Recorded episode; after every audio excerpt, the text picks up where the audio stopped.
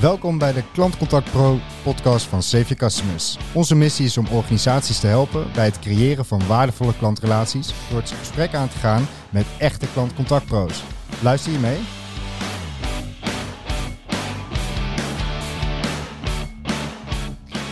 Bedankt voor het luisteren van onze eerdere podcast. Heb je deze nog niet geluisterd? Deze is terug te vinden op Spotify of op onze website saveyourcustomers.nl.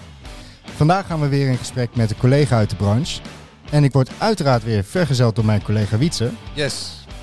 Ja, en vandaag niemand minder dan vriend en oud-collega Luc Haagmans. Luc, Hallo, welkom. dankjewel. Tof dat je er bent.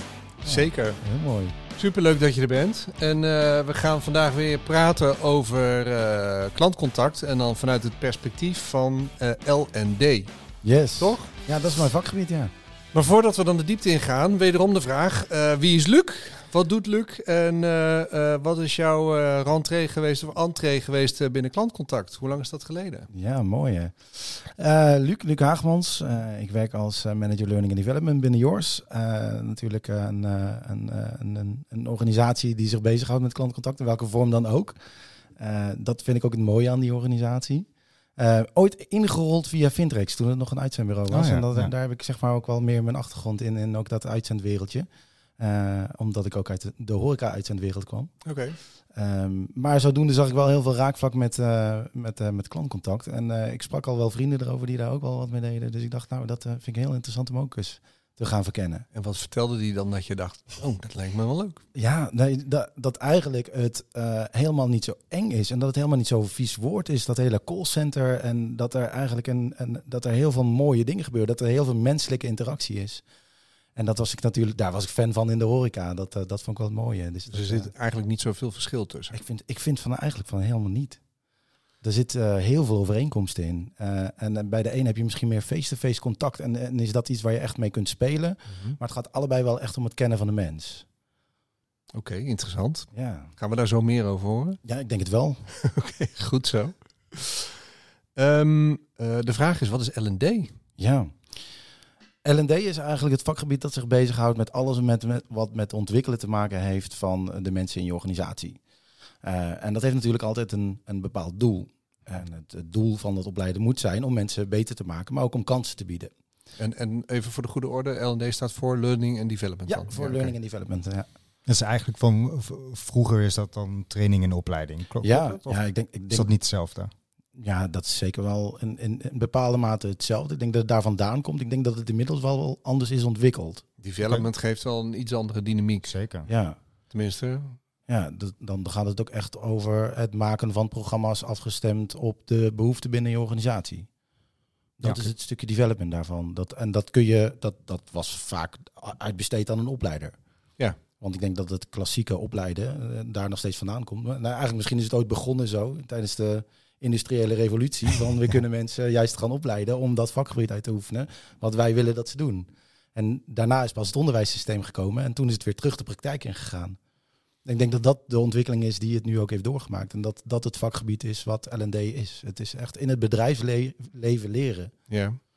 En eh, dat wordt ook steeds meer omarmd, heb ik het idee. Dat, dat, eh, dat steeds meer organisaties ook zelf kijken naar hoe kunnen we dit het eh, beste inrichten. En eh, training en opleiding, eh daar heb ik een beetje een klassiek beeld bij. Dan eh, ga je een klasje in en dan kom je uit en dan Ja. ga je in de bak. Is dat nog steeds zo? Of gaat dit verder? Is dit breder? Of hoe moet ik dit zien? Hoe, Ja, ja, hoe is de positie? Of hoe, hoe werkt dat? Hoe ziet dat eruit? ja, ja, je komt het nog steeds wel tegen. Maar het gaat over een langer traject. Je bent veel meer bezig met iemands loopbaan in zijn totaliteit. Het Mhm. gaat niet alleen om iemand eigenlijk krijgen op de functie waar ze voor moeten zijn. Dus hè, dat, bestaat nog steeds ook wel, de, de, de instroomtrainingen of de introductieweken of hoe je het ook noemt. Eh, maar het gaat veel verder dan dat. Want mensen staan nooit stil. Mensen willen, willen vanuit zichzelf altijd ontwikkelen. Ik denk dat er niemand is die zegt, nou, ik vind echt helemaal niks interessant. Er is altijd wel iets wat ze interessant zouden vinden, waar ze zich op zouden willen ontwikkelen. Of wat ze, zien als kansen in de, in, in de arbeidsmarkt of eh, op hun eigen baan. En komen ze dan binnen op eh, eh, bedrijf? Dat je zegt van, of komen ze binnen op een soort functie? Of komen ze echt binnen op een bepaald project? Ja, ik denk dat ze de keuze maken voor een, eh, voor een bedrijf. Ja. En dat ze wel denken, daar, daar, dat biedt mij de kansen die ik wil. Of dat sluit aan bij mij als persoon. De, de, dat kan ook gewoon de inhoud van het werk zijn. En als je dan merkt dat daar kansen nog in liggen om te ontwikkelen, dan zou het zomaar kunnen zijn dat je meer wint dan alleen maar je werk uitvoeren. En dat je daar ook wel iets van passie in kunt vinden. Of zelfs dingen weet te combineren die je privé ook interessant vindt. Maar wat voor kansen moet ik dan aan denken? Nou, ik, kan me, ik, ik weet dat er heel veel mensen zijn ook die, uh, die, die als agent begonnen zijn. En die dan denken van ja, ik uh, ben hier om klantcontact uit te voeren. Ik weet, misschien weten ze dan nog niet eens zo goed wat ze, uh, wat ze willen of wat ze leuk vinden. Maar dan is iemand in een omgeving die heeft gezegd, weet je wat jij moet doen? Je moet eens klantcontact gaan doen, want dat is leuk, want je bent goed met mensen. En dat krijg je vaak als, als beginpunt waarom mensen in, in, in klantcontact in aanraking komen. En klantcontact heeft heel veel te bieden. En er zijn heel veel uh, de kansen als je alleen al kijkt naar de inhoud van het werk. En je kan niet alleen bellen, maar je kan ook je, je webcare of je mail of welk ander specialisme dan ook doen. En van daaruit leer je heel veel met mensen omgaan. En dan wordt het leuk. Dan leer je mensen kennen en dan merk je dat je effect daarop kunt hebben. Dat je, dat je het verschil kunt maken, ook als medewerker, voor iemand anders. En als je dan door hebt dat je dat ook nog eens voor je medewerkers, voor de rest van je collega's kunt doen. En dan heb je al raakvlak met dat learning and development. En dat kan zijn in de vorm van coaching. Dat kan zijn in de vorm van training. Of uh, ja, het kan inderdaad zijn voor ik wil hele programma's gaan ontwikkelen, want ik zie dat er een bepaalde behoefte is bij managers of welke doelgroep dan ook. Maar dan, heb, je, dan heb je een grote verantwoordelijkheid als je uh, zo vanuit dat brede perspectief uh, kijkt naar ontwikkeling. Ja, ja. Ja, en, wat, en wat vinden managers daarvan dan, als je dit zo vertelt? Ja, dat is een goede. Ja, ja dat, is, dat is natuurlijk uh, dat is een, een, een samenspel van heel veel factoren, zoals hè, wat, uh, wat doen de kosten? Want uh, ja, natuurlijk, het is, het is een investering vaak die je doet. Hè, dus mm -hmm. het moet zich ook uitbetalen. Dus je kijkt ook natuurlijk naar de cijfers van nou, wat nou als we nou een coach inzetten, zien we dan een verschil? Zien we dan een verschil in gedrag of zien we dan een verschil in de KPI's? En dat is, dat is wel een af, afweging voor een manager om daar ook in te willen investeren. Maar het kan ook echt zijn dat uh, je iets extra's biedt. Hè, waardoor ze langer blijven. Waardoor je dus meer met je retentie doet. Of ja. hè, ook kijkt van nou iemand die uh, ontwikkelmogelijkheden ergens anders wel ziet, maar dat niet ziet binnen het eigen bedrijf. Ja, dan, is het, dan, dan zou dat een hele makkelijke stap naar buiten kunnen zijn. Die je had kunnen voorkomen op deze manier. Ja, dus, dus als ik het goed begrijp, normaal gesproken, uh, Wietse en ik die helpen organisaties om de, bijvoorbeeld uh, het verbeteren van de klantrelatie. En dan luisteren we heel erg naar de behoeften van de klant mm -hmm. uh, om je organisatie te verbeteren. Begrijp ik dan goed dat bij Learning and Development jij eigenlijk ook elke dag bezig bent met wat is nou de behoefte van de mensen binnen de organisatie en hoe kunnen we daar goed op inspelen en hoe kunnen we mensen verder helpen ja, in de ontwikkeling? Ik denk dat, denk dat het daar moet beginnen. Ehm, ik denk dat, dat het en bij die mensen moet beginnen, maar ook bij de organisatiedoelstellingen. He, dus je kijkt ook echt waar wil je naartoe als organisatie. Ja. En uh, kun je dat uit de arbeidsmarkt halen? Of is dat iets wat je zelf moet gaan ontwikkelen? Kunnen we dat met de bestaande pool? He, en door echt te kijken naar hoe kunnen we dan onze, onze huidige populatie verbeteren of, of verbreden of ontwikkelen om, om, om ze meer kennis te geven of meer vaardigheden te geven. Zodat zij de, de groei van de organisatie, dat ze daarin mee kunnen gaan. En heb je daar een voorbeeld van? Van hoe, hoe dan bijvoorbeeld jouw dag eruit ziet of, of een case waar dat, uh, waar dat voor is gekomen? Ja, uh, uh, een van de, van de mooiste ervaringen die ik heb meegemaakt is wel dat we een, een, een, bedrijf hadden waar we binnen een serviceafdeling een, een sales KPI erbij kregen. En dan ging het om verzekeringen. En uh, dan vraag je mensen die eigenlijk altijd klantvragen beantwoorden, om ook eens de vraag te stellen van, hey, is er dan meer waar je in geïnteresseerd bent? En dat voelde voor hun heel erg, uh, ja, dat voelde heel erg als, als koude sales. Hè. Dat, dat, dat was hun ervaring. Uh, en dat was ook bijna een vies woord. Van ja, dat gaan we toch niet doen. We gaan toch mensen niks aansmeren. En, en dat was toen de taak ook om ervoor te zorgen dat zij daarin gingen geloven. Dat zij dat ook konden vanuit hun eigen servicekracht. Okay. Dat dat eigenlijk de mooiste manier van sales ja. is om überhaupt te doen. Daar, dat, daar geloof ik sowieso wel in. Dat is in de praktijk een hele moeilijke. En dat is in de praktijk een hele moeilijke. Maar we hadden een welwillend team. Ja. We hadden een goede manager. Um, we hadden goede coaches. Er was veel begeleiding. En uh, er was ook heel veel animo voor uiteindelijk. En uh, er zijn ook wel een aantal mensen die hebben gezegd... voor mij uh, zie ik dit niet als toekomstperspectief. Maar het grootste gedeelte van die groep, echt 95%, is blijven zitten. Heeft het ook zo aangeleerd en deden daarna ontzettend goed. Zijn ook de beste afdeling geworden van, van, van die organisatie toen. Hoe is je dat gelukt dan? Um, herhalen. Herha de kracht van herhaling. Ze noemen dat niet, niet voor niets de kracht van herhaling. Maar en dat is wel een van de essentiële onderdelen. Maar je, je gaat ook echt goed naar de behoeften kijken. Uh, waar staan ze? Je kan niet zomaar zeggen, jij moet nu op dit punt gaan ontwikkelen. Dus je moet ergens een trigger bij ze vinden, waardoor zij dat willen gaan leren. Dus je vertaalt het heel erg naar degene die, eh, ja, die, aan, die aan het leren is, die gaat ontwikkelen. Hè, dus eh, er is van tevoren is een schets gemaakt. Nou, deze afdeling die moet, die moet er die zou er wat bij moeten kunnen aan werkzaamheden. In dit geval dus sales. Ja. Maar dat gaat niet zomaar. Dus dan ga je daar eens een analyse op doen. Dus je gaat kijken naar de mensen. Je gaat kijken naar de behoeften. Je gaat kijken naar de targets die gesteld zijn. Zijn die realistisch? Zijn die haalbaar? Hoe kun je daar komen? Je gaat een traject uitstippelen. Mhm. Je gaat het visueel maken. We hebben presentaties gegeven. Dus het was echt een proces wat je met z'n allen ingaat dan. Dat is wel cool. Dat is heel cool. Ja, en als je dat dan met z'n allen ook echt doet en dat gevoel ook hebt dat iedereen het doet en dat iedereen er volledige medewerking aan geeft en, en daar echt vol voor gaat, ja, dan, dan is het resultaat bijna zelfbelonend. En dat hadden ze ook wel. Ja, ze vonden zichzelf ook daarna eh, echt de beste dat ze dat hadden gedaan. En dat was Ja. heel leuk. Dat ze het op hun eigen manier ook hebben gedaan. Ja. Dat snap ik. Want- je gaat iets eh, doen waarvan je van tevoren had gedacht, echt no way. Precies. En dat lukt. En, en als je dit voorbeeld vertelt, dan eh, kan ik me voorstellen dat in dat spectrum van, je zegt target stellen, analyses doen, daar komen een aantal facetten in terug waarvan ik denk van, goh, daar zie ik ook een rol voor een manager. M- Ja. misschien zit HR daar ook bij. Hoe verhouden die rollen zich eh, ten opzichte van eh, learning and development dan? Want eh, je, doet, je moet het wel samen doen, maar Zit daar overlap in? Eh, eh, loop je elkaar in de weg? Loop je elkaar, hoe, hoe, hoe werkt dat spel? ja, interessant. Ja, dat, is, dat, dat vind ik juist het leukste van mijn vak. Ja, overroelt iedereen. ja. Subtiel. Ja, subtiel, ja. nou, dat zal het niet zijn. Maar nee, maar serieus, dus kan, dat zal een spanningsveld opleveren of valt dat mee? Ja, nee, ik denk dat, ik denk dat je zeker als je, als je een stafafdeling bent als een, eh, als een LD-afdeling, dan, dan heb je continu wel die spanning. Want je wil enerzijds wil je je kwalitatieve stempel erop drukken en je wil dat het heel goed gebeurt. Eh, maar anderzijds ben je natuurlijk ook bezig met de uren die je daarvoor inzet. Hè? Want ja, het is toch in die zin zou je kunnen zeggen van, nou ja, weet je wel, je bent niet zelfvoorzienend misschien. Veel afdelingen zijn dat niet. Het kan wel, Mhm. eh, hè, maar dat eh, is meestal niet zo. Dan, ja, dan zie je toch wel dat er een, een, een spanningsveld is wat je vaak op menselijke manier moet oplossen. Dus je, moet, je stakeholder management moet gewoon heel goed zijn. Je moet weten wie je waarvoor inzet. Je moet weten hoe je iemand benadert. Ehm, en eh, ook dat is eigenlijk iets waar je mee bezig bent eh, in dat vakgebied. Hè? Wie is nou de mens? Eh, en die mens is ook de mens tegenover je, die de manager is. Oud-collega's dus hadden dat, dat is beïnvloeden zonder strepen. Dus met andere Eigenlijk woorden, wel. overtuigen of... Ja. nou, misschien is niet overtuigen. Ja, wat, wat, wat moet je dan extreem goed kunnen? Ja, ik denk dat een stukje beïnvloeden zit daar wel bij. Ehm, maar je moet vooral ook gewoon de ander, de behoeften van anderen begrijpen. Hè? Dat als iemand zegt, eh, ik vind cijfers heel belangrijk, ja, dan moet je niet over de gevoelens van mensen gaan praten voor hem in eerste instantie. Dan moet je ook moet je kunnen, moet je wel weten dat dat belangrijk is, maar je moet ook kunnen praten in die cijfers. Dus je zult moeten meegaan. Eh, althans, dat is mijn tactiek. Ik denk dat dat misschien ook nog wel eens, als je alles doorduwt, dan lukt het ook vast wel. maar dat, hè, dat lukt ook als dat je tactiek is.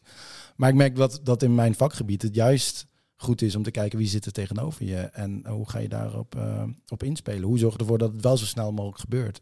Maar dan, dan, dan is in mijn beleving de, het verschil met de meer traditionele inrichting van eh, training en opleiding. Eh, dan hen- hand je het, eh, of geef je het stokje over en dan eh, is het klaar. Ja, Eh, dat je hier veel meer integraal met elkaar van begin tot eind kijkt hoe je eh, dat het beste kunt managen. ja absoluut. Ja, en, en, en zeker ook met een, met een HR-afdeling. Daar heb je heel veel raakvlak mee. Want ik denk als je alleen al kijkt naar je HR-cyclus en alle gesprekken die je daarin voert, daar komt altijd wel iets uit waardoor iemand van A naar B moet. Of van A naar B wil. Ja. Of dat een manager dat wil. En hoe, hoe zijn dan die, die zwaartepunten verdeeld? Want, ik, want eh, in, eh, continu in elkaar speelveld zitten, dat, dat is volgens mij niet de bedoeling. Maar is er wel een soort van rolverdeling? Dit is waar HR aandacht heeft, dit is waar de manager zijn aandachtsveld heeft en daar is waar eh, learning and development zijn aandacht heeft. Ja, wat, ehm, wat ik veel meemaak is dat eh HR is er met name om het beleid te maken. Dus die zorgt er vooral voor dat een manager weet wat hij kan en mag. Een manager is degene die dan uiteindelijk beslist in dat proces welke keuzes die maakt. Oké. En een learning and development afdeling is vooral daarin faciliterend. Hoe kun je ervoor zorgen? Hoe kun je met een goede inhoud komen? Hoe kun je met de juiste vormen komen om ervoor te zorgen dat je dat proces kunt versnellen? Hè, dat je sneller van A naar B kunt gaan. Of eh, dat je, eh, en dan bedoel ik bijvoorbeeld dat een, eh, eh, een manager die eh, wiens afdeling wordt vergroot. Nou, dan moet je efficiënter met je tijd omgaan. Nou, hoe ga je dat inrichten? Of eh, je, je merkt dat er meer problemen zijn. Bijvoorbeeld doordat de klanten in de energiemarkt, ja, die, hebben allemaal meer vragen en bijzondere vragen, waar onze medewerkers natuurlijk ook mee te maken hebben. Mhm. Ja, dan moet je toch weten hoe ga je daarmee om. Dan is het ook een beetje hoe ga je om met de weerstand of hoe ga je juist om met de, met de emotionele lading waarmee medewerkers bij je komen. En ook daarin hebben we dan ervaring. En dan, dan merk ik wel dat, zeker een L&D'er is heel breed daarin. Dus die kan al die inhoudelijke aspecten zoals sales en service en webcare en telefonie, die kan die allemaal behandelen. Maar die kan ook juist over de mens nadenken. Over wat gebeurt er nou in dat proces. En hoe krijg je nou iemand op de juiste plek. Mooi. Dit is, eh, dit, is eh, zo, zo breed had ik hem nog niet eh, gezien. En dan heb je best wel veel invloed op het wel en wee, denk ik, van wat medewerkers doen. Dus ook hoe succesvol ze zijn in combinatie met managers. Ja. Ehm, dan ben ik wel erg benieuwd hoe jij vanuit jouw huidige perspectief kijkt naar de arbeidsmarkt. Want daar is best wel wat gaande. En hoe, hoe kijk je daar dan tegenaan? Ja, ja dat is, het is zeker een spannende tijd. ja? Nou ja, ik denk dat iedereen in eerste instantie al eh, met de gedachte in hun hoofd zit, hoe kom ik aan mensen? Mhm. Dus je wil het zo aantrekkelijk mogelijk maken. Dus, eh, dus ook daarin zijn we bezig met ja, ook dat stukje learning en development. Eh, als je dan bij ons bedrijf komt werken, Mhm. dan kun je altijd blijven ontwikkelen. En dat begon jaren geleden al met een leven lang leren. Dat, dat is een begrip dat inmiddels al in heel veel organisaties omarmd is. Dat betekent dat, dat jullie geen, een, of geen probleem hebben of minder problemen met uitstroom, maar dat jullie probleem vooral zit in instroom?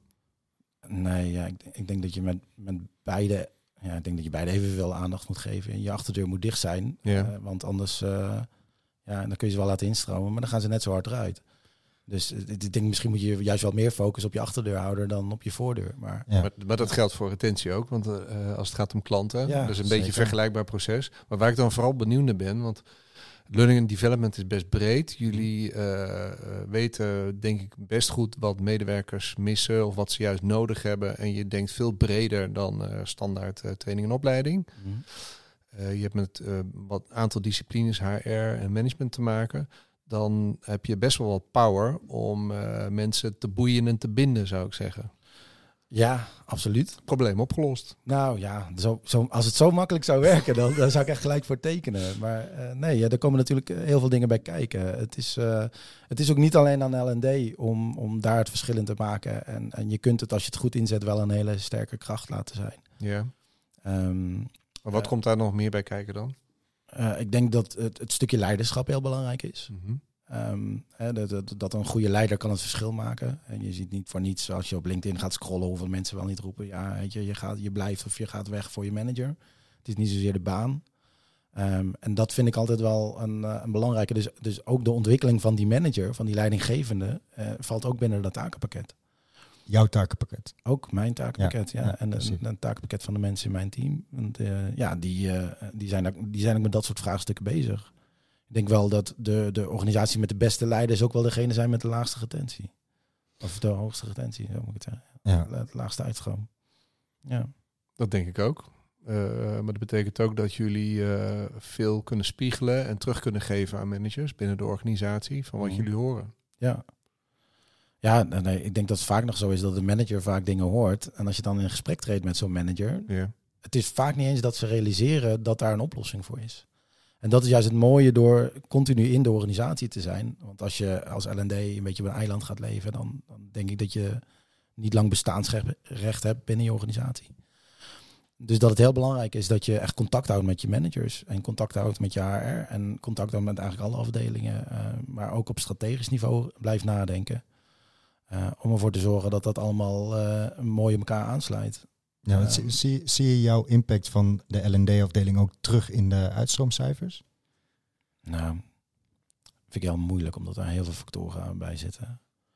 Ehm, Laat ik hem anders nou, stellen. ja, ik kan hem wel anders beantwoorden. Ja? Want eh, als je kijkt dan, dus, eh, je hebt natuurlijk exit enquêtes, of je hebt, Ja. eh, hoe je het ook noemt, of uitstroom, vragenlijsten, die zullen er vast in elke organisatie wel zijn. Eh, of in veel organisaties wel. Eh, ja, daar stel je natuurlijk wel de vraag van, eh, wat was een reden geweest om te blijven? En eh, als ik dan daarnaar kijk, dan ben ik wel blij dat ehm, dat die vrij hoog staat als, als, als dat is niet de reden waarom ik weg ben gegaan. En het, het zit nooit daarin. Dus zit het ehm, wel in? Je kunt niet misschien het verschil maken, maar eh, eh, nou, je kunt wel het verschil een beetje, maken. ja. Jawel, je kunt wel het verschil maken. Ehm, maar het is niet zo dat het, eh, als het er niet is, dat je dan merkt dat het, eh, dat het lager is. Het, eh, het helpt wel. Maar Ja, want Ja, waar, waar- zit het dan in jouw beleving vooral in? ja, ik denk, ja, ik denk ook met name ook wel eh, eh, ehm, ja, je leidinggevende. Mhm. Eh, hoe goed kun je daarmee vinden, de team, het de sfeer. Ik denk, nou ja, beloning. Eh, laten we dat vooral niet vergeten. Ik denk dat mensen in eerste instantie, zeker nu, eh, meer kijken naar beloning dan dat ze dat misschien een aantal jaar geleden zouden doen. Gewoon puur omdat, ja, als jij nu ook een switch wil maken met krapte in de arbeidsmarkt. Je merkt ook wel dat de eisen wat hoger liggen van kandidaten. Je merkt ook dat, de, dat er veel mogelijkheden zijn. Hè. Er zijn heel veel vacatures, meer dan ooit nu op dit moment. Hè, dus je, je, kunt ook wel, je kunt ook wel druk zetten. Ehm, ja, en dan, ja, ik merk daar wel aan dat het een, eh, ja, een, een, een, eh, een, een verschil kan maken als je eh, ja, je wel goed inzet met, met je L&D-afdeling. Dat je wel weet van wat kun je nou iemand nog meer bieden dan. Want het hoeft niet alleen maar om salaris te gaan bijvoorbeeld. Maar, maar dat kunnen wel redenen zijn. Kijk, een salaris denk ik dat een belangrijke eh, eis is dan een, eh, op dit moment dan is het, eh, is, kan ik me goed blijven doorontwikkelen. Hè? Want dat is vaak de vraag die gesteld wordt. Sala- ja, salaris is vaak een, een basis. En Ja. dan daarna komt werksfeer volgens mij. Ja. Leuke collega's. Ja. En kun je inderdaad doorontwikkelen. Ja. Maar dat lijkt me dan best lastig als je... ja, wat doe je dan vanuit learning? Kijk, eh, voor een contactcenter dan heb je heel, eh, hele strakke KPI's. Dan weet je Mm. precies wanneer doe ik het goed. Als ik de telefoon eh, op tijd opneem, dan is het goed. Ehm, heb je voor learning and development ook soort van doelstellingen of KPI's waar je zegt van ja, dat is waar we op aansturen en we weten als we dat halen, dan doen we voor wat er nu mogelijk is in deze markt, doen we het maximale. Dus dat je wel, Ja. want ik kan me voorstellen, ander voorbeeld. Eh, op het moment dat je postvakje in hebt en eh, je hebt er duizend stukken in liggen, je bent heel hard aan het werk, maar er komt iedere keer eh, weer meer bij. Ja, dat is een gebed zonder eind. Met andere woorden, je ziet nooit het resultaat van je werk omdat die postvak vol blijft. Ja. Maar aan de andere kant, als je gewoon kijkt wat je per dag zou kunnen doen en je behaalt dat doel, dan kun je ook blij zijn. Dus dat is een kwestie van waar kijk je naar. Geldt dat voor jouw vakgebied ook? Ja, ja ik, ik vind dat een van de leukste uitdagingen juist van mijn vakgebied. Het is ook een van de uitdagingen waar ik denk dat het de minste aandacht naartoe gaat. Want de vraag wat is het effect van wat, jou doet, van wat jij doet, is eh, ontzettend belangrijk in, Ja. in learning and development. Ik denk ook de meest, gewil, de meest eh, gestelde vraag eh, vanuit een manager. eh, als ik jou inzet, wa- wat is dan het verschil wat jij gaat maken? En het En- winnende antwoord is? Ja, nee, ja, dat is leuk. nou, dan, dan, dan moet ik hem eigenlijk even onderbreken. Ja. Want eh, daar komen we nog op terug. Van Ja. Hoe maak je dan het verschil tussen learning en development? Eh, misschien was het ook meer een persoonlijke vraag van jou, eh, Wiet. Van, eh, Ja, ik, mijn- word, ik ben mijn- gewoon nieuwsgierig. mijn- jouw mailbox blijft altijd sky high. Dus hoe kan ik nou zorgen dat ik me succesvol voel? Nou, nou, de reden dat ik het eh, zeg is dat ik merk dat eh, de, de focus van mensen soms eh, is op datgene wat je, eh, waar je het juist niet moet zien. En ik kan me voorstellen als je een wat breder perspectief hebt waar heel veel variabelen een rol spelen, dat je zomaar eens naar de verkeerde doelstellingen kunt kijken. Dus ik ben vooral benieuwd naar wat, wat zijn nou de belangrijke speerpunten op basis waarvan je wel kunt zien hoe succesvol het is. En Ja. ook al is instroom moeilijk of eh, gaan mensen sowieso eh, lopen als ze aan de overkant een kwartje meer kunnen verdienen, Mhm. eh, dan nog kun je volgens mij best stellen wanneer je het goed doet. Ja, Zeker. Maar, Zeker. maar Omid geeft aan dat we even moeten wachten met het antwoord. Sorry jongens, sorry. Ik kan wel een, een, een, een soort van antwoord geven wat een raakvak mee heeft, dat in ieder geval wel belangrijk is en misschien Ja. ook wel een beetje je vraag beantwoord. Ehm, want eh, de focus moet vooral niet liggen op wat er te ontwikkelen valt, maar ook vooral op wat goed gaat. Eh, en daarin kun je ook nog een heleboel ontdekken. Eh, als jij een boek leest wat jouw interesse heeft, Mhm. en je denkt, nou, dat heeft raakvlak. Stel, je houdt van, van sportinterviews en zo. En dan komt weer een, sporter en heeft een nieuw boek uitgebracht. Nou ja, ze zullen allemaal wel vertellen dat ze allemaal het doorzettingsvermogen hebben van een, eh, van een jonge god. Of eh, eh, hè, die vergelijkingen zul je in elk boek wel tegenkomen. Maar toch is er steeds weer iets nieuws dat je eruit haalt. Dus waar je interesses liggen en waar je krachten liggen, ehm, blijf ook die vooral verdiepen en blijf dat ook herhalen. Want daar zul je altijd wel iets nieuws in vinden. En de kracht van leren zit er vooral in dat als je iets weet of als je iets kan, dan is de makkelijkste manier om er iets bij te leren, iets te doen wat daar heel dichtbij ligt. Oké. Ja, dat, dat, dat is een, ja, dat is een hele mooie. Dan ehm, gaan we naar de stellingen. Eh, wat we in elke podcast doen. Ja. Zijn jullie er klaar voor? Yes. Daar komt de eerste. Managers kennen de behoeften van hun eigen medewerkers. Luc. Ja. Nou ja, ik kan, ik kan me voorstellen dat het heel moeilijk is voor een manager om dat af en toe te weten. En je kunt, in je, als je kijkt al, hè, we hadden het net over haar gesprekscyclus, dan heb je het daar vaak over. Ik kan me voorstellen dat het, je kan het nog wel zien, maar dan, ja, wat moet ik ermee? Ik weet niet hoe ik deze persoon dan verder ga helpen. Ik weet niet hoe ik, deze persoon kan motiveren. Of... En ik denk dat dat heel moeilijk is voor heel veel managers. Dus, dus de, de behoefte is misschien wel duidelijk, maar wat doe je er dan vervolgens mee? Maar misschien is dat ook in de loop van de jaren, eh, zeker de afgelopen vijf of tien jaar, is dat denk ik veranderd. Dat, dat, eh, dat men zich steeds meer realiseert dat die behoefte van die medewerker dat die veel belangrijker is om dat goed te weten en goed te snappen. Ja. Waarom, waarom denk, mag ik de vraag terugstellen? Waarom denk je dat die... eh, Ehm, nou, omdat het dus heel moeilijk is eh, om mensen te houden. Mhm. En ik merk eh, vanuit eigen ervaring dat het ook niet altijd heel goed begrepen wordt. Ja. Ik ben van een iets andere generatie. ja, dat zeg ik liever niet, maar het is wel zo. Dus ik ga iets langer mee.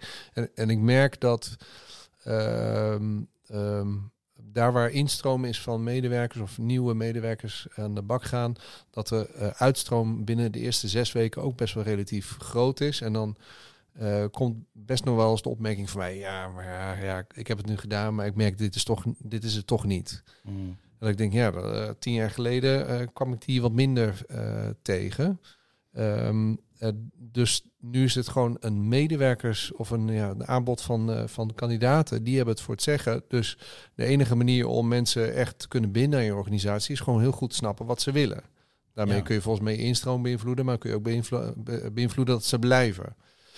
En dat mensen leren kennen, dat gaat natuurlijk op een ander abstractieniveau dan, eh, eh, god, hoe gaat het met je? Eh, we bespreken je resultaten. Hoe bevalt het in je team? Zijn er verder nog issues? Nou, dan moet je wel een tandje dieper. mm. Eh, en ik vraag me af in hoeverre managers of de tijd daarvoor hebben, of de tijd daarvoor nemen, of zich daar voldoende bewust van zijn. Ja. Ja, het mooie is, er zijn dus heel veel tools voor. Eh, zeker tegenwoordig al testen. eh, eh, denk maar eens aan persoonlijkheidstesten of drijfveren testen of wat dan ook. Ik denk dat het heel interessant is, zeker als je iemand perspectief wilt bieden. Eh, en, en tegenwoordig is het ook al zo dat je het al moet doen in je eerste maand van het dienstverband. Ja, zet eens zo'n test in, kijk wat er gebeurt. En ga het dus gaat, gebruik het niet als dit is de waarheid, maar gebruik het om je gesprek aan te gaan met die medewerker.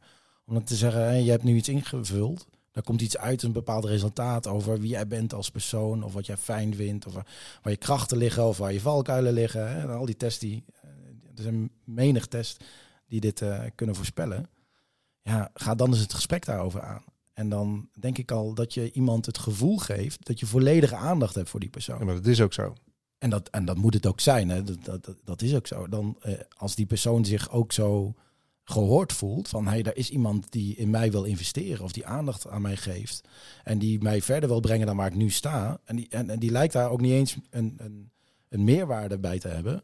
Ja, als je dat op die manier weet in te steken, dan denk ik dat iemand zich heel gevleid voelt om voor jou te werken. Maar moet je, dan moet je ook wel eh, best wel iets meer kunnen dan eh, alleen maar manager zijn. Want dan moet je ook eh, zo'n test snappen, je de achtergrond daarvan snappen. Dan moet je iets weten over de ontwikkelen, hoe je medewerkers kunt ontwikkelen. Want dat gaat, alleen, dat gaat niet over je moet eh, je target halen of je moet je werk doen, je moet op Ja. tijd komen. Dat gaat over veel meer. Ja. Maar, maar ehm, zit, ja, is, dat, is dat gemeengoed? ja, is dat niet juist wat een manager doet?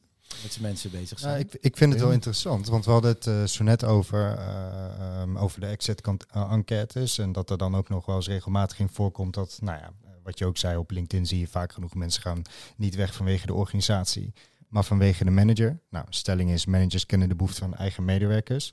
Ik ga er dan even vanuit dat dat niet het geval is. Ehm, ik weet niet of het zo is, maar ik ben gewoon heel erg benieuwd hoe jullie hierover, uh, hoe jullie hier naar kijken. Denk je dat het ook een stukje verschil is in generatie? Ik bedoel, Wietse, jij bent um, iets, Pas op wat je zegt, iets, ietsie ouder dan ik. Maar ik kan me voorstellen dat in veel organisaties de kloof tussen manager qua leeftijd en uh, eventueel iemand die instroomt en net van de studie komt, dat daar een verschil in zit in uh, generatie. En snappen die elkaar altijd? Ja. Stellen die elkaar de juiste vragen? En dat is, ik, gaat ik, denk het, ik denk het niet altijd. En ik wil het niet allemaal over één kam scheren. Maar er zijn best wel veel uh, verschillende generaties volgens mij nu aan het werk. Ja. En uh, ja, er is wel degelijk uh, zijn er grote verschillen in hoe het ehm, de oudere generatie is van ja, weet je, 40 uur werken, knallen en niet lullen maar poetsen. Uh, waar het nu veel meer gaat naar parttime werken, wat uh, echt gewenst is. Naast het werk uh, ook nog een eigen bedrijf hebben. ja, gewoon andere behoeften en andere focus. En dat wordt niet altijd goed begrepen. Als ik naar mezelf kijk, heel eerlijk, ik heb er af en toe inderdaad ook wel eens moeite mee. Dan hebben we in opdrachten, dan neem je mensen aan en die komen inderdaad op dag twee van ja, en, en de telefoon zit is toch niet helemaal mijn ding. En dan denk ik, ja, maar hoe dan? Je solliciteert in een, in, binnen een customer service.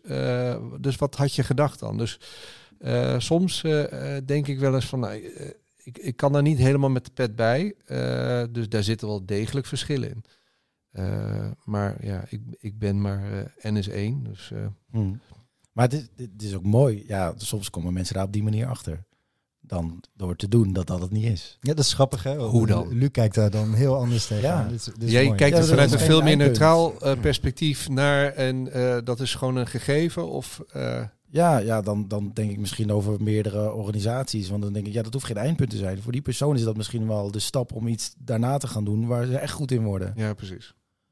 Nou ja, dat, ik, heel eerlijk gezegd, mijn uh, eerste uh, vier jaren in mijn carrière waren ook niet uh, heel, heel duidelijk, heel concreet. Dus misschien ben ik dat vergeten en moet je daar af en toe wat vaker bij stilstaan. Ja. Maar ja, ik, de, ik, denk wel dat er verschillen zitten in, in type managers. En ik denk ook dat de een beter in staat is om echt een goed gesprek erover te voeren dan de ander. Mm. en wat je zegt van ja, er zijn heel veel hulpmiddelen. Uh, dat zou wel echt heel mooi zijn als je die meer tot je beschikking hebt. Want die heb, je, ja, je noemt dan een, een test of een analyse, maar wat nog meer? Uh, nou, nog even terugkomen op iets. Wat, uh, en wil je me zo meteen helpen om de vraag nog eens te stellen? Ja. Want dat vergeet ik. Ja, ja. dat vergeten wij ook. Ja, precies. Begin maar vast. um, nou, ik had het er laatst met een vriend over. En uh, je noemt ook van ja, de, er zijn verschillende managementstijlen. Maar er zijn nog meer mensen in je team dan dat er stijlen zijn van een manager. Ja. Dus waarom is het niet makkelijker om de manager te leren om zich aan te passen aan die anderen? Dan hoeft er maar één iemand te leren hoe die met al die mensen moet omgaan. In plaats van dat je eigenlijk verwacht dat al die anderen zich aan jou gaan aanpassen. En dat hebben wij bij, uh, dat, uh, samen met een vriend besproken. Wij hebben samengewerkt bij een, bij een bedrijf waar we dat al heel jong geleerd kregen tijdens onze studentenbaan. En dat, dat, die essentie, dat we dat meenamen. En, en toen gingen we eens vragen bij andere oud-collega's die we nog steeds spreken. En die staan daar hetzelfde in. Die geven allemaal op diezelfde manier leiding. En ze merken allemaal dat het heel prettig ervaren wordt. En hoe is dat, meer, en, hoe is dat anders? Nou, het kost veel meer moeite voor een manager natuurlijk. Hè. Je moet je echt ook willen verdiepen. En het gaat niet elke dag gaat vanzelf. Maar het begint daadwerkelijk met um, de ander, de persoon in je team, uh, op waarde schatten. En weten van nou, hoe kunnen zij nou het beste functioneren. In plaats van deze taak moet er gebeuren en iedereen ga ik in datzelfde keurslijst stoppen. Ik denk daar juist die, die flexibiliteit in zoeken en mensen neerzetten waar ze goed in zijn. Dat dat veel meer van waarde kan zijn dan iedereen allemaal hetzelfde laten doen. Ik denk het ook. En ik denk dat, uh, een, ik denk een jaar of 10, 15 geleden binnen de verzekeringswereld uh, waren er een aantal mooie voorbeelden van flexibel werken door het hele pand heen thuis. Waarbij toen al gezegd werd van ja, er is een ander soort uh, mens die je dan aanneemt, die die verantwoordelijkheid ook uh, snapt en kent. En inderdaad, wat is nou de grootste angel? Ja, de managers moeten leren om los te laten en niet te sturen op het proces en hoe de dingen moeten, maar te sturen op output. En of, de, of jij nou een dag langer vrij hebt of verlof hebt of een dag minder, dat maakt misschien dan niet zoveel uit. En op dat moment ging dat best ver, maar ik denk dat dat eh, nu eh, eh, eh, een steeds eh, duidelijker eh, beeld wordt wat bij heel veel mensen leeft. Ja, Ja, ik, ik, ik denk ook gewoon dat. eh, ik denk dat de managementstijlen, dat, dat je daarin wat kan doen. Ik ben zelf overtuigd dat je met goede communicatieve vaardigheden, oprechte aandacht ehm, en interesse ook, dat je eh, heel ver kan komen wat de behoefte is van de medewerker en hoe je, eh, misschien niet hoe, maar wat je kan doen om iemand eh, verder te helpen. En dan als laatste stap dat als je het niet weet, dat je ook de hulpvraag durft te stellen Oh ja, heel aan eventueel een andere manager eh, of aan een L&D-specialist. Ehm, ik merk bijvoorbeeld met eh Wietse, wij kunnen allebei heel ergens eh, naar, naar een situatie anders kijken. Maar door met elkaar in gesprek te gaan en respect te hebben voor elkaar en echt te luisteren, ehm, kom je er altijd uit. Mhm. Heb je altijd een oplossing. ja. Maar dit is ook natuurlijk wel mooi. Dit is toch ongeveer de, de, de kern van, van onze business is klantcontact en dat is gesprekken voeren. En, en dat, dat is soms zo grappig, hè? want eh, dat doen we dus niet altijd. Want we worden geleefd door de dag, door de, door de ad hoc eh, dingetjes, brandjes blussen, noem het allemaal op.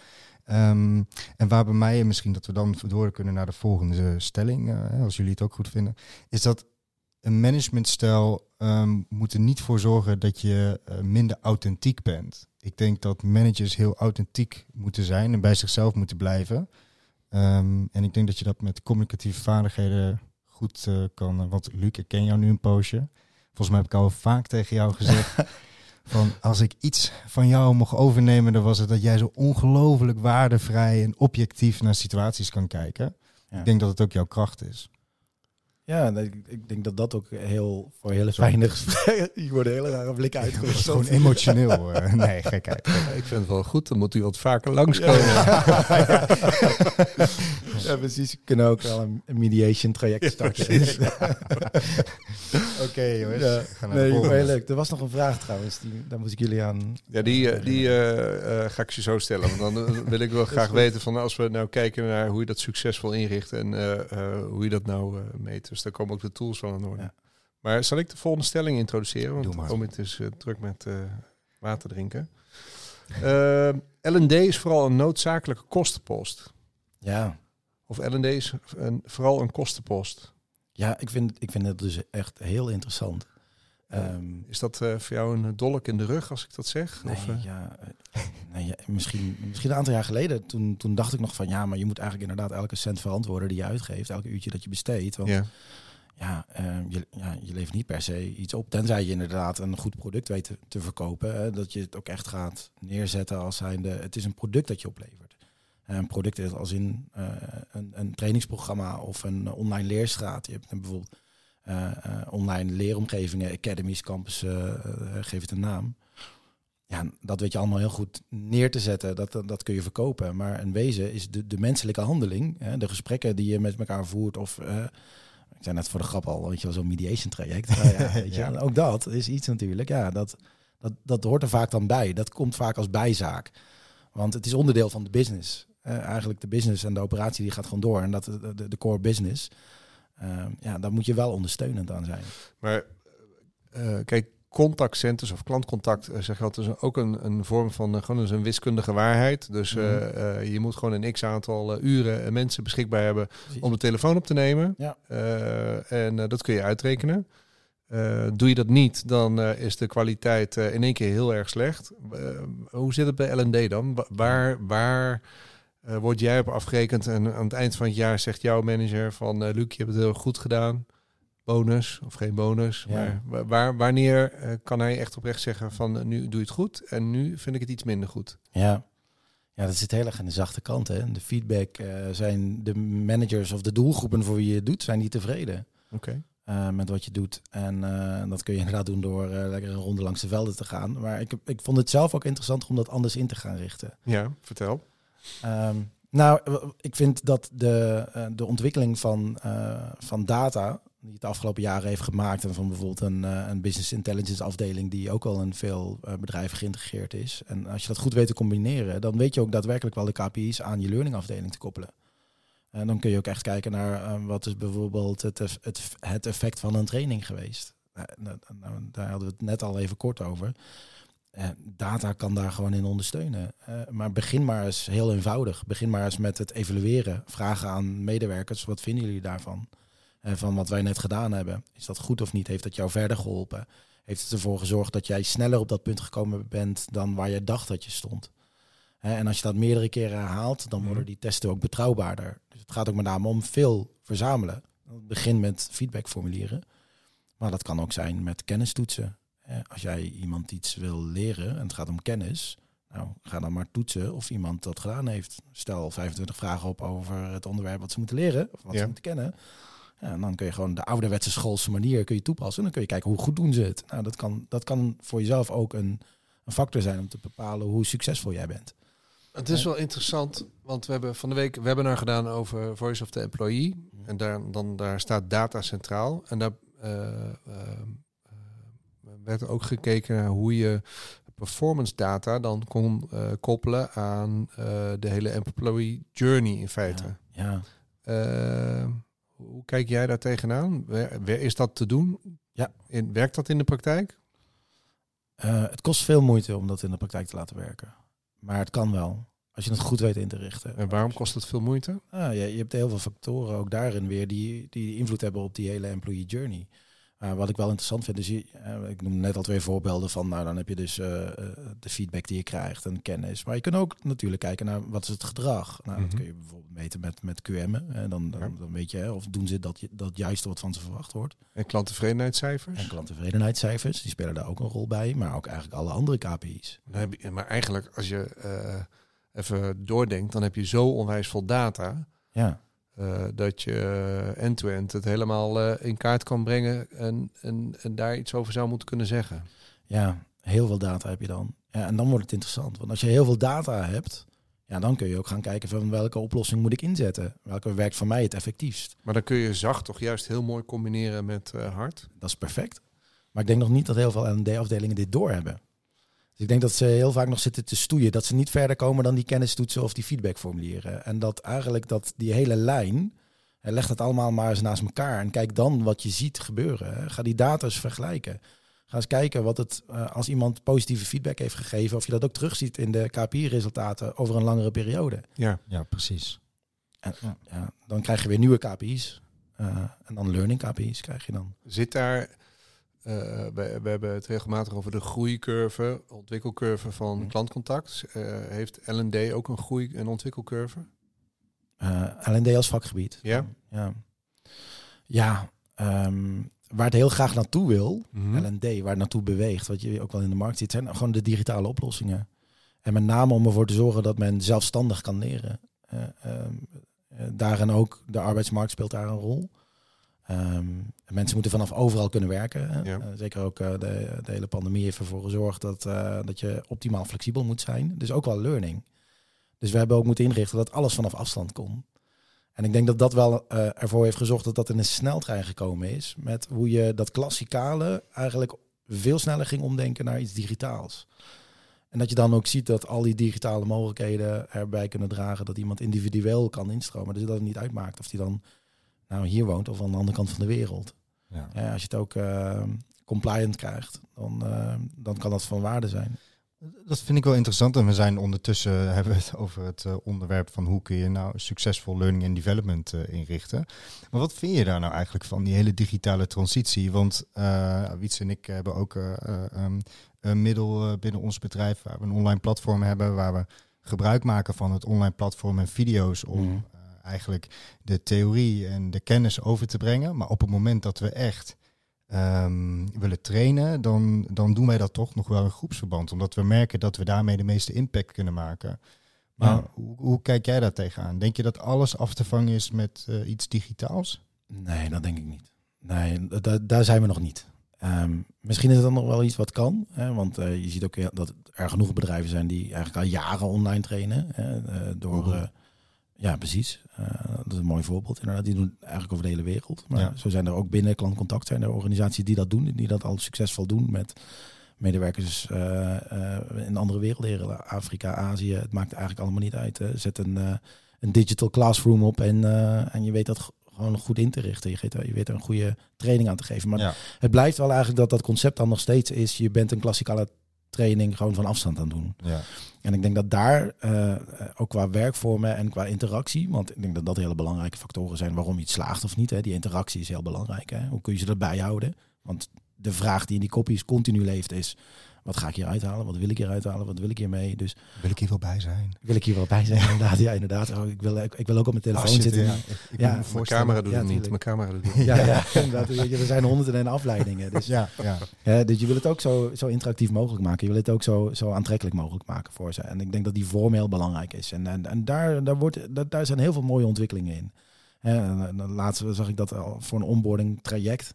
Eh, dat er een escape room, een online escape room werd ingezet. Ja, dat is op een hele gave manier van, eh, eh, van, van je onboarding inrichten. ja. Maar dat is gamification, toch? Gamification, ja, daar hebben we het vorige keer over gehad. Ja, dus ja, ja. luister allemaal de vorige podcast. Ja, heel mooie reclame is dit. Ah, Dus dat, dus dat werkt. Ja. ja, het werkt echt. Ja, de gamification, dat is sowieso echt een, eh, ehm, ja, wel iets wat, eh, wat een hele mooie ontwikkeling heeft doorgemaakt. En wat er echt voor zorgt dat je, dat je op een leuke manier interactie krijgt. En ook echt in kan spelen. Niet alleen op je, op je stukje kennis en vaardigheden wat je wil doen, maar ook bijvoorbeeld het gedrag of cultuur eh, is daar echt veel beter mee, eh, mee aan te pakken. Dus, uh, vond ik heel interessant. En, en, en eh, even los van hoe groot je bent als eh, organisatie, of, eh, en of het nou eh, eh, bij een manager ligt, of je hebt een eh, mooie afdeling zoals jij dat hebt, speciaal daarvoor.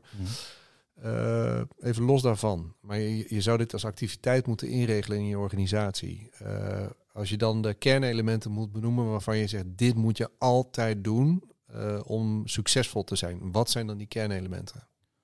Ja, dan, dan denk ik toch dat je je programma's goed moet hebben staan. Als in iedereen moet zich comfortabel voelen om zijn taak uit te voeren. Ik denk dat dat, dat, dat de, de dagelijkse zorg is van iedere medewerker. Ben ik wel goed genoeg of doe ik het wel goed? Eh, En als je, eh, daar moet je mensen gefaciliteerd hebben. En, en dan krijg je nog, je kunt je verder ontwikkelen, je kunt doorgroeien. Maar faciliteer maar eerst eens dat mensen zich comfortabel en veilig voelen in een organisatie. En het idee hebben dat ze weten wat ze doen. En eh, ik denk dat dat zeker ook begint met een onboarding. Ik denk dat, dat met een goede onboarding kun je echt het verschil maken. En wanneer is het echt een goede onboarding? Ja, dat is, dat is als, als, als, als de medewerker zich zo welkom voelt en zich helemaal matcht met de organisatie, waarbij die zich ook zichzelf kan zijn. Ik denk dat je dan een goede match hebt. Maar dus, ja, het begint dus als die na die zes weken blijft, Ja, dan ik is, denk, dat is ja. dat een eerste indicatie. ja, ja, sommige, sommige onboarding eh, die duren wel, eh, wel een half jaar. Ja. Dat wel mooi. Hangt, er- hangt er ook af van inderdaad van hoe groot je organisatie is. Maar zorg wel voor een goede onboarding. Ik denk dat het daar wel begint. Eh, dat als je dan niet aandacht besteedt, en dat kun je natuurlijk zo mooi maken, weet je wel. Je kunt die testen toepassen, eh, waar we net over hadden. Dat kun je ook doen. Maar, maar zorg in ieder geval dat, dat er wel genoeg aandacht is voor iemand dat hij ook het idee heeft van, nou, ik ben hier goed geaard. Ik ben hier wel op mijn plek. Ik ben welkom. Ik ben, ik ben welkom. Ik denk dat dat een van de eerste vragen is die je dan gaat hebben. Pas ik hier wel bij? Heb ik wel de juiste keuze gemaakt door van baan te switchen? Hè? eh, geef ze dan wel het gevoel dat, ze dat, dat, dat die vragen beantwoord worden. Dus dat is, ik denk ook een mooie eh, vraag om vanuit te vertrekken eh, iedere week, iedere maand.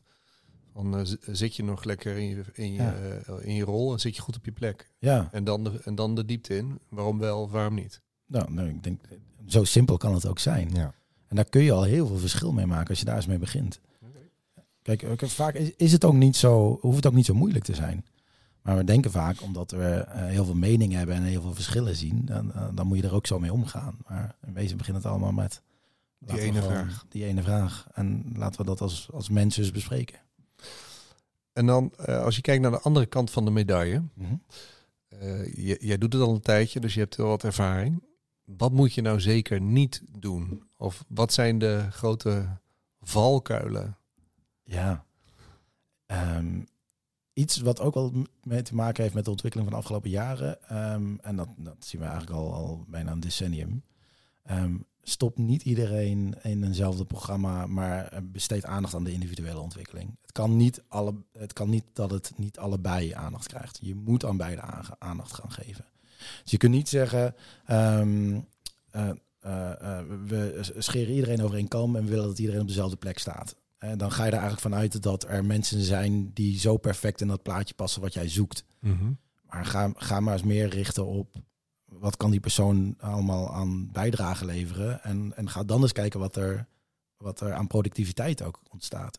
Dus dan ga je individueel naar iedereen kijken en wat hij of zij nodig heeft om Ja, naar een gewenst doel toe te komen. Dus je draait hem om. Je draait hem om. Ja, ja. Je kijkt ook vooral wat, wat heb je te bieden. Weet je wel, wat, wat, wat, wat vind jij ook leuk om te doen?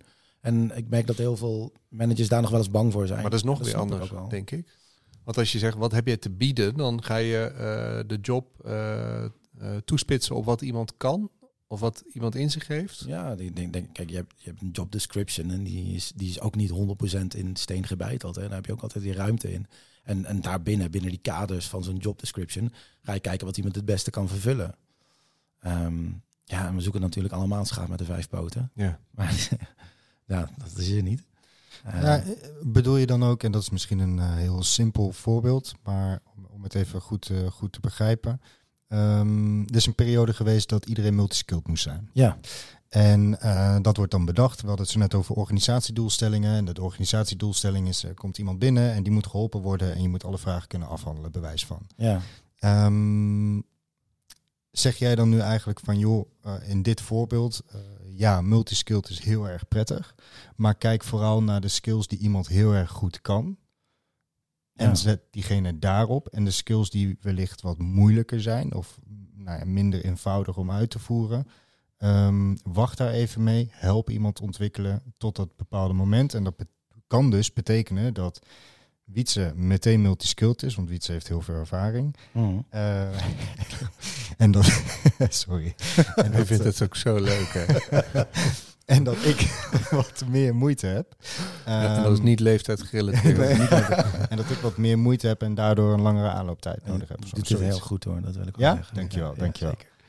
Ehm, nou ja, dat, ik- het kan beide naast elkaar bestaan. Maar ik vind het wel een mooie uitleg die je geeft. Want het, eh, eh, dat, dat dat überhaupt kan, dat wordt al vaak niet gerealiseerd. Dat je ook inderdaad naar de, de individu kan kijken. Want dan is het vaak, ja, maar we zijn eh, bezig met één traject. En we hebben Ja, één, eh, ja. eh, we hebben één pad dat we eigenlijk moeten gaan bewandelen. En terwijl dat is helemaal niet zo. Maar nou, dat maakt het wel makkelijker natuurlijk. En soms moet je daar ook voor kiezen. Maar kies er dan kortstondig voor. En kies er ook weer voor om dan aandacht aan het individu te geven. Ik denk dat het best eh, in de praktijk best moeilijk is. Ik Ja, dat bedoel, is ik, moeilijk, ja. Kijk, ik snap het uitgangspunt, eh, eh, maar ga dat, maar- ga dat maar eens even doen. Ja. Ik bedoel, ja, dan moet je de mensen hebben die het kunnen. Je moet, ja, Mhm. wie dan? Maar ik snap het principe en ik denk dat het een eh, goed gedachtegoed is om eens in je hoofd te houden en van daaruit eens te kijken en in gesprek te gaan. Ja. Dus je draait het om, inderdaad. Precies. Eh, en dan kun je altijd kijken van wat is er nodig. En misschien kom je dan ook dichter bij de waarheid. Want ja, je kunt ook een stukje ontkenning hebben als je dit is de route, dit gaan we doen. Eh, één track en go. Mhm.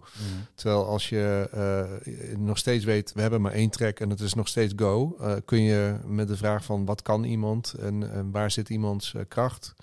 Eh, misschien heb je daarmee dan juist ook inzichtelijk van goh, wat er, welk pad is er dan nog te bewandelen. ja. En dan kun je misschien beter dat eerst onderkennen. eh, en dan nog denken van hoe ga ik het in hemelsnaam oplossen.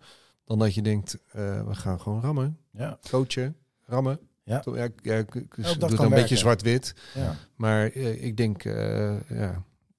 Ja. Misschien, zeg maar. Nee, ik wou, hem, ik wou hem afronden, maar als jij nog iets... Oh nee, eh, nog lang niet. Nee, nee, nee. Ik wil, ik wil bijna naar de afronding toe. dat snap ik. Ehm, maar Luc, ja, ik, ik, vond het, ik vind het wel een heel, heel interessant gesprek. En eh, ik moet toch heel even zeggen dat, dat die podcast die geeft mij ook wel weer nieuwe inzichten. En als ik dan nu jou zo hoor praten over learning and development, ehm, gaat veel verder dan alleen inderdaad die instroom of die onboarding. Gaat echt kijken naar van, goh, wat is nou de behoefte van de medewerker? Hoe kan ik ze helpen om ook in hun verdere carrière, dat hoeft niet eens binnen je eigen organisatie te zijn, Ehm, maar dat kan ook betekenen van jij bent uitgeleerd, jij moet de volgende stap maken. Of wij kunnen je op dit moment niet faciliteren in je ontwikkeling. Dus we gaan je helpen om misschien ergens anders aan de slag te gaan. Mhm. Ehm, en dat op elke discipline binnen de organisatie. Dus dat je ook managers helpt, dat je coaches helpt, dat je trainers helpt, dat je eh, de contactspecialisten helpt. Ik vind dat wel, ehm, ik vind het heel erg gaaf. Ja, Ja, cool. ik ook. Heel mooi. Ja. Dan eh, gaan we naar de laatste vraag. Die Ja. stellen we eigenlijk aan eh, al onze eh, gasten. En Ja. die is, wat is jouw beste klantervaring ooit geweest en waarom? Mijn beste klantervaring ooit geweest. Ja, ik vind het een hele, hele lastige. Ik, ben, ik, ben, ik leg zelf vaak de lat wel hoog. En ik ben ook opgegroeid met. Ik ben ook opgegroeid met de mentaliteit van je moet altijd de verwachtingen van anderen overtreffen. Dus, dus daar begint het dan ongeveer met wat goed is. Ehm, ik vind alle, eh, nou, als ik kijk bijvoorbeeld naar bedrijven zoals een bol.com, wat zij doen met hun, met hun online strategy in de socials, ik vind dat echt geweldig. Zij doen het echt heel goed. En ik denk ook dat dat een benchmark is voor veel andere bedrijven.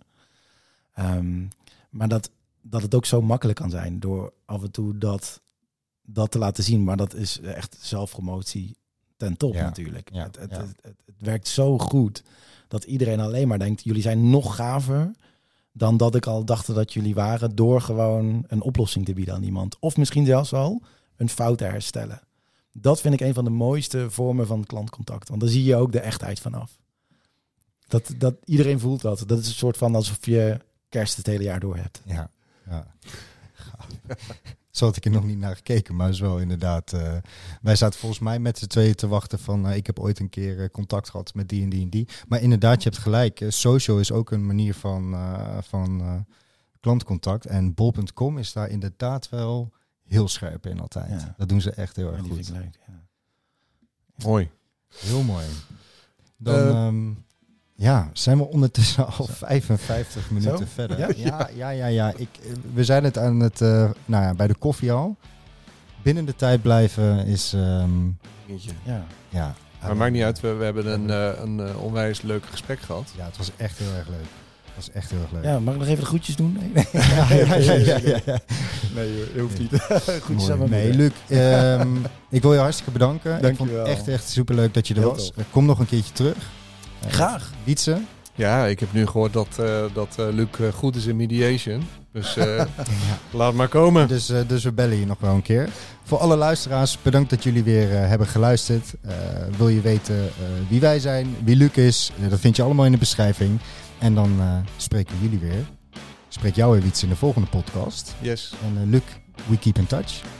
dankjewel Luc. Dankjewel. doei. Dankjewel.